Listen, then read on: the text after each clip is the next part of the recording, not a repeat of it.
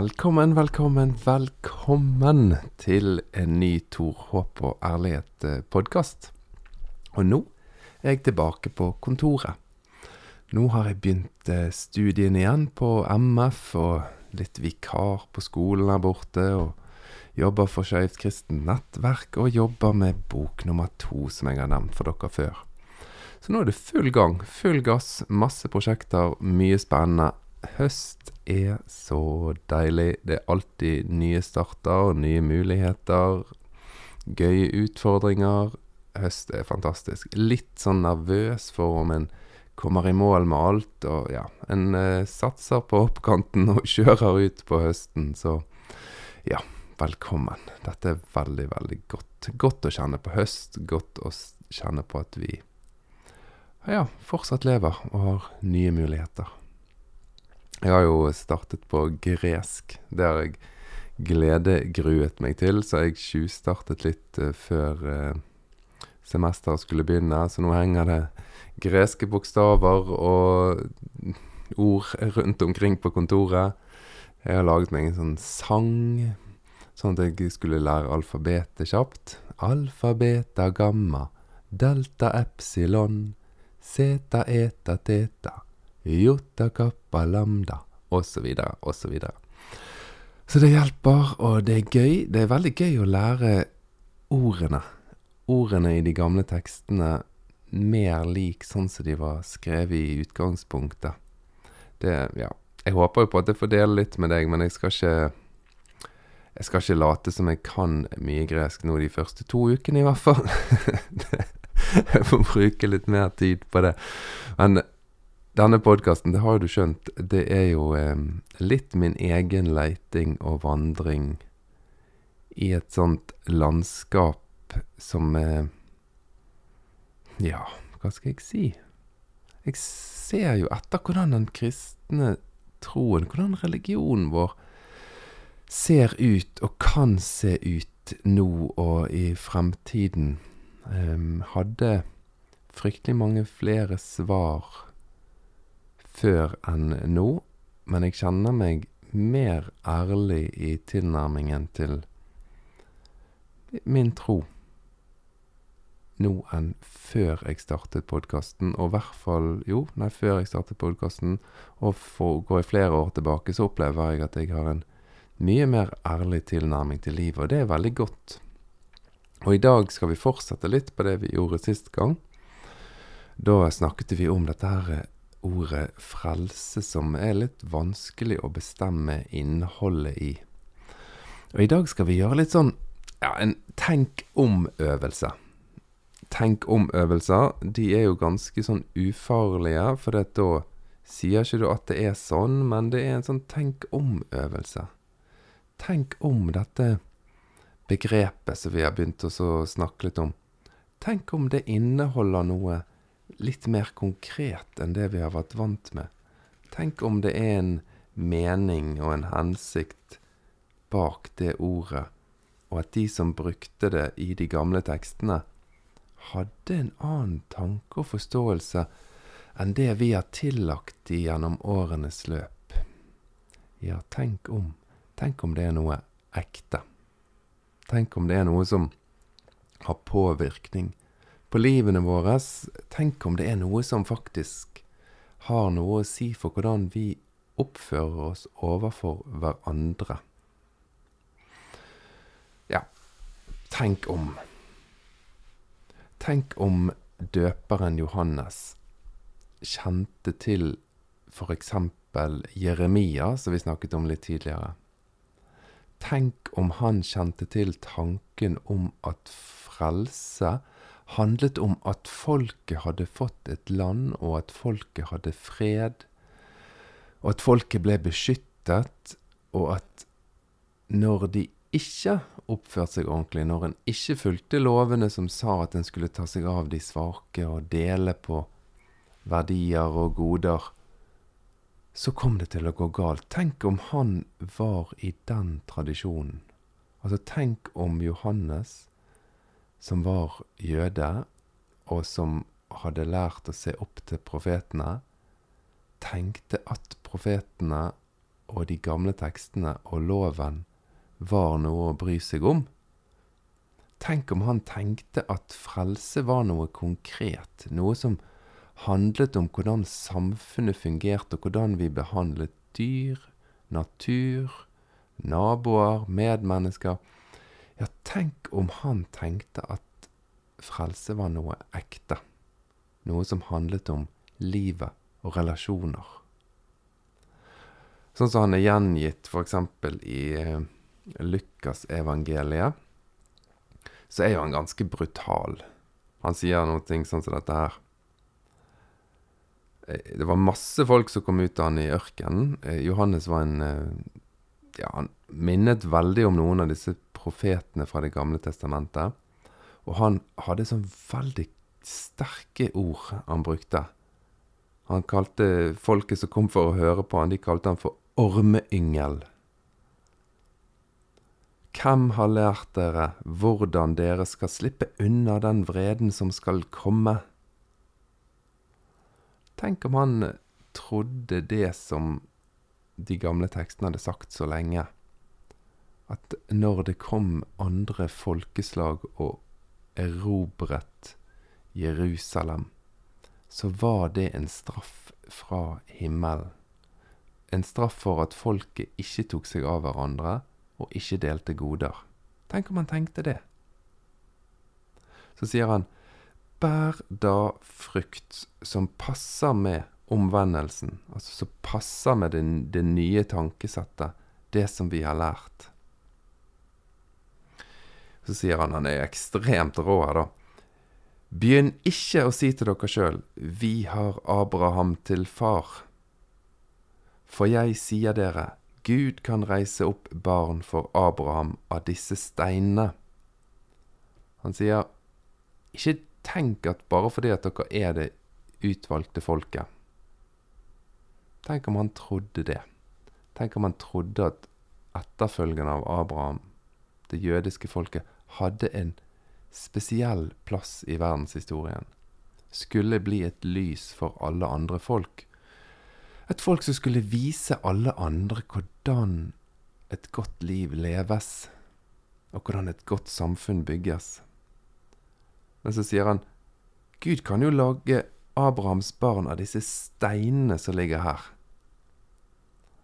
Og så fortsetter han like brutalt. Øksen ligger allerede ved roten av trærne, Hvert tre som ikke bærer god frukt, blir hugget ned og kastet på ilden. Tenk om han mente det, da. Tenk om han mente det at eh, israelsfolket, det jødiske folket, det var som et tre som skulle bære god frukt, som skulle vise at det går an å leve i fred og kjærlighet, sånn som det var i hagen, den opprinnelige hagen. Tenk om han mente at det er en sammenheng, altså det er et godt bilde på det jødiske folket. Det er et tre som bærer god frukt. Og god frukt, det ville jo da være i en profetisk sammenheng. Folk som lar landet hvile hvert syvende år, som gir plass til de ville dyrene, som ikke dreper dyr hvor som helst, men ser på livet som hellig. Jeg tenker man mente det. Han var jo veldig streng her. Og tydelig at budskapet gikk hjem, for det står sånn Folk spurte hva skal vi da gjøre? Og da svarer Johannes Den som har to kjortler, så to kapper eller to klessett, skal dele med den som ikke har noen. Og den som har mat, skal gjøre det samme. Det kom noen fra tollavdelingen for å bli døpt, og de sa til han, Hva skal vi gjøre? Og så svarer han, Krev ikke inn mer enn det som er fastsatt. Noen soldater spurte, Hva skal vi gjøre? Og da svarte han, Press ikke penger av noen ved vold eller falske anklager, men nøy dere med lønnen deres. Tenk om han tenkte at frelse og det å bære god frukt var noe konkret. Noe som handlet om mellommenneskelige relasjoner, noe som handlet om måten vi oppfører oss overfor naturen, overfor skaperverket som vi har fått å forvalte. Tenk om han mente det?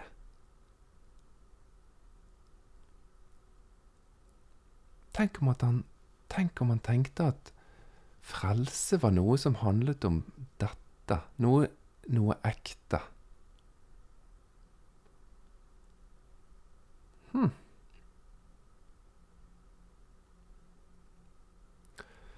Vi kan jo gå litt videre, og så kan vi tenke om. Tenk om Jesus opplevde seg sjøl i samme tradisjon som Johannes.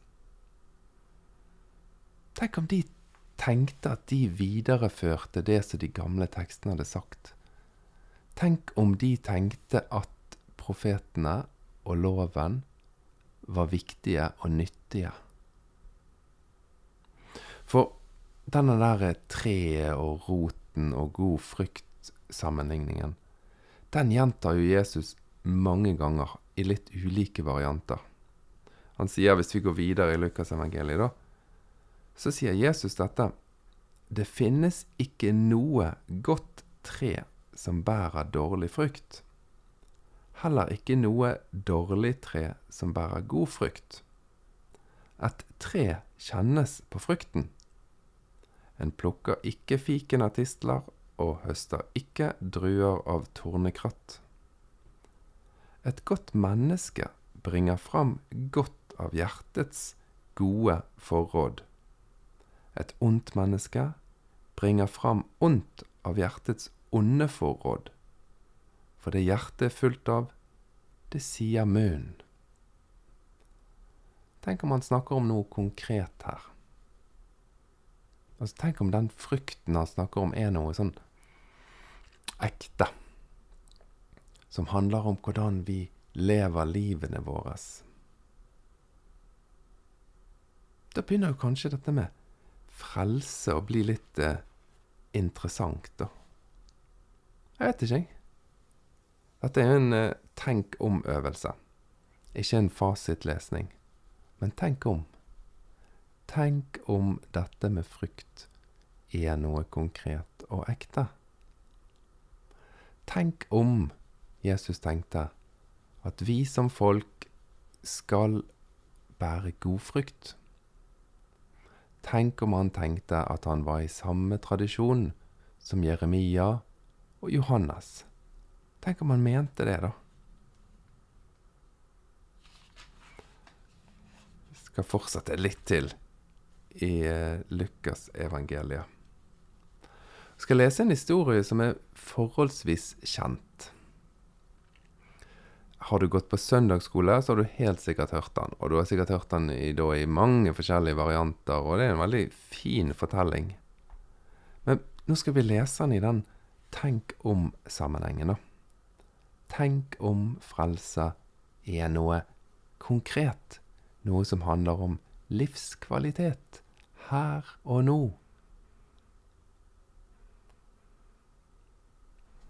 Det står at eh, Jesus kom inn i en by som heter Jeriko.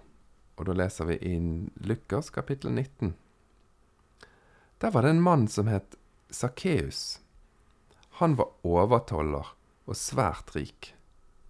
Han ville gjerne se hvem Jesus var, men han kunne ikke komme til for folkemengden, for han var liten av vekst. Og Dette er jo den koselige starten på fortellingen som gjør at han kanskje har blitt en populær søndagsskolefortelling. Men det er jo litt interessant at hvem var det som kom og spurte Johannes hva, det, hva skal vi gjøre? Hva skal vi gjøre? For vi ønsker ikke at det skal komme et eller annet folkeslag og overta landet vårt og knuse oss. Vi ønsker oss å komme vekk fra denne her forferdelsen som kan vente på oss hvis vi ikke bærer god frykt som folk. Så kommer det noen tollere til Johannes, og i denne fortellingen så er det en kar til, da, som er hovedperson. Og han er også i den bransjen der han der de har rykte på seg for å jobbe for okkupasjonsmakten og for å ta mer enn det som er riktig. Ja, han var liten av vekst, det leste vi til slutt. Så da løper han i forveien og klatrer opp i et morbærtre for å se Jesus på et sted hvor han måtte komme forbi. Og da Jesus kom dit, så han opp og sa til han, Sakkeus, skynd deg og kom ned, for i dag må jeg ta inn hos deg. Altså, jeg må spise hos deg. Sakkeus skyndte seg ned og tok imot Jesus med glede. Men alle som så det, murret og sa, Han har tatt inn hos en syndig mann. Men Sakkeus sto frem og sa til Jesus, Halvparten av alt det jeg eier, gir jeg til de fattige, og har jeg presset penger av noen, skal de få firedobbelt igjen. Husker du hva Johannes svarte disse tollerne som kom og spurte liksom, ja, hva skal vi gjøre? Og det handlet jo om å ikke ta mer enn det som var rett. Og hva svarte han til de andre folkene som spurte, hva skal vi gjøre? Har du to kapper, så gi den ene til en som ikke har. Og nå sier Sakkeus at halvparten av alt jeg eier, gir jeg til de fattige. Og har jeg presset penger av noen, skal de få firedobbelt igjen. Han sier jo egentlig at jeg vet at jeg har presset penger av folk. Hvis ikke så hadde ikke han tatt det opp som et emne, da. Men det er klart, jeg har tynt folk for penger, og jeg skal gi dem fire ganger igjen da jeg har tatt for mye. Men legg merke til hva Jesus svarer da i denne her tenk om-øvelsen som vi holder på med nå rundt dette ordet frelse. Da sa Jesus til han, I dag er frelse kommet til dette huset. For også han er en Abrahams sønn. Hva var det Johannes sa i starten der som vi leste? At selv disse steinene som ligger her, de kan Gud gjøre til Abrahams sønner. Disse kan bære god frykt. Så hvis de som egentlig føler seg veldig trygge på at de tilhører en gruppe som er de gode, ikke bærer gode frukt, så kan frelsen komme til hvem som helst. Steiner, tollere, de som gjør feile ting, de som tabber seg ut. De kan finne frelse. Og tenk om Jesus mener det, at det konkrete som Sakkeus sier her, er et resultat av frelse. At han har kjent på at det er noe mening eller meningsfullt i livet. Noe som han går glipp av fordi at han bare lever isolert for seg sjøl, dyrker sin egen rikdom, sitt Skjønner dere? Kanskje. Tenk om. Det er noe konkret. At frelse er noe ekte. Noe som betyr noe. Jeg har jobbet litt med det jeg skal si nå. For det, det, er på en måte en sammenstilling av flere parallelle fortellinger fra dette ekte livet. Ekte ting som jeg opplever og har opplevd, og ikke bare meg, men flere jeg kjenner. Dette er fortellinger om ekte mennesker i Norge som har opplevd en stor endring. Og så vil jeg at du skal tenke med meg hva er god frukt, og hva er frelse i disse fortellingene her. Så har jeg gjort sånn at de skal være helt anonymisert. For dette kan være litt sånn personlige følelser rundt disse tingene her. Men for ganske lenge siden, det begynner å bli noen år siden, så ble jeg kontaktet av en ung person. En ung person som led veldig av depresjon. Og vedkommende spurte om det var mulig at jeg kunne treffe denne personen, altså den sjøl, og foreldrene. Ja, det kunne jeg. Eh, det var ikke i min hjemby dette her var, så jeg måtte reise vekk. Og det passet noe med en reise jeg skulle gjøre, så vi møttes i en by. Og denne unge personen, ganske nylig begynt på det voksne livet, har kjent på en sånn utilfredshet i livet at en stort sett tilbringer dagene hjemme på et rom med gardinene nede. Livet er blitt for tungt å bære. Og jeg skjønner jo, og jeg visste det når jeg kom, at jeg hadde blitt kontaktet fordi at jeg har vært profilert rundt Skeivt kristent nettverk. Så denne personen da har sendt en melding foreldrene er ganske skeptiske til å møte meg, men det er nå engang sånn at når barnet ditt er sengeliggende, selv om barnet ditt har blitt voksen, så kjenner vel foreldre at her må det skje noe.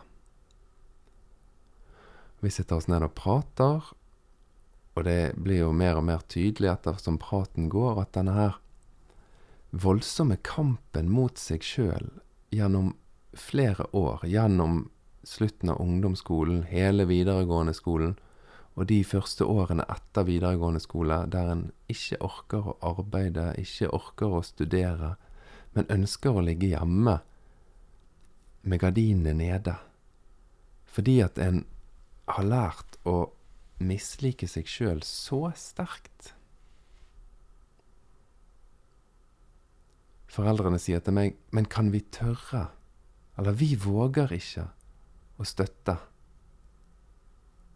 dette valget som barnet vårt nå tar initiativ til å ta. Dette valget at uh, vårt barn har tatt kontakt med deg, og, og du sitter her, altså Tor Håkon sitter her og bekrefter det valget som denne ungdommen tenker på. Og jeg forklarer dem at det er ingen valg. Valg er et helt, helt, helt misvisende ord. Det er ingen som velger hvem en er skapt til å være.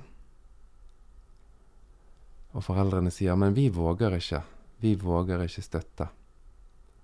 Og jeg svarer da at hvis dere en gang møter Vår Herre så får dere si til Vår Herre at det var Tor Håkon som tok ansvaret. Dere skal være helt fri fra ansvar. Eneste ansvaret, det er støtt barna deres. Anbefalte denne ungdommen å reise til en annen by. Komme seg vekk fra sitt kristne fellesskap og få litt luft til å tenke.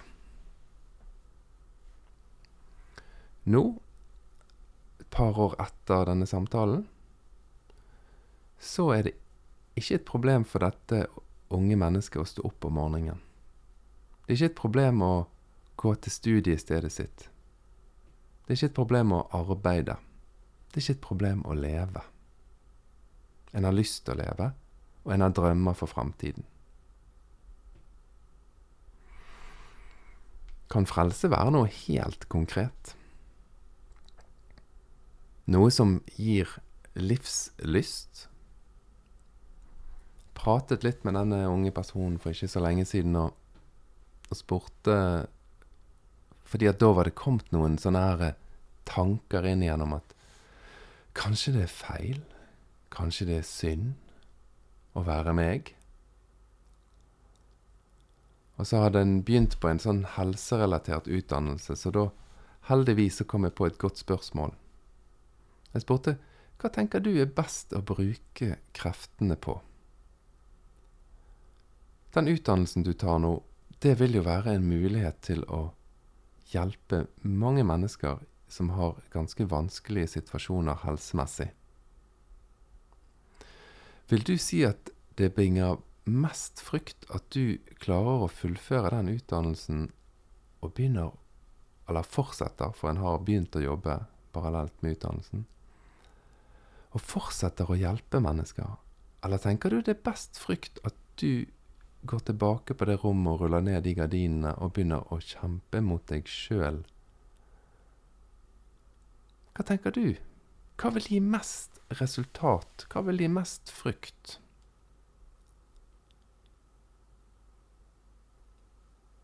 Som en annen person sa, som var i tilsvarende situasjon som denne ungdommen.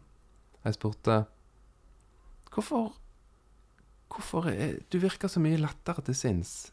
Eh, er det noen grunn til at eh, depresjonene ikke er så sterke lenger? Ja, det var jo det at jeg møtte andre som var sånn som meg. Det å forstå at jeg ikke var aleine i livet. Det å begynne å tenke tanken at jeg kunne like meg sjøl som den jeg er. Eller som en annen sa Nei, etter jeg ble med i SKN, så orket jeg å begynne på utdanningen min igjen. Og nå har jeg jobb. Hva bringer mest frykt? Hva er frelsen her? Vil frelsen være å krype inn igjen på rommet og kjempe mot noen følelser? Eller vil frelsen her være å like seg sjøl og trives med livet og utvikle seg sjøl og kanskje kunne tilføre noe positivt til mennesker rundt seg? Jeg har lagt merke til at når jeg leser og tenker rundt ordet frelse, så klarer jeg ikke å la være å tenke på begrepet synd også, da. Det er, som, det er som et sånt par. Synd og frelse. At det, fra, i frelsen så innebærer det noe å bli ferdig med, eller legge av seg. Eller vende seg om og tenke nye tanker. Sånn at frelse er noe liksom å komme vekk ifra noe som skader en. Og på samme måte som dette frelsesbegrepet har blitt et begrep om noe som er veldig sånn ikke-konkret, noe som er svevende, langt vekke, langt borte, så har også synd blitt et sånt begrep som brukes om ting som ikke endrer noen ting. Jeg begynte å tenke at ja, men det, kanskje det finnes ekte synd, og kanskje det finnes liksom-synd. Og at det svevende frelsesbegrepet veldig ofte er knyttet til liksom-synd, mens ekte frelse kanskje er knyttet til det som er ekte synd.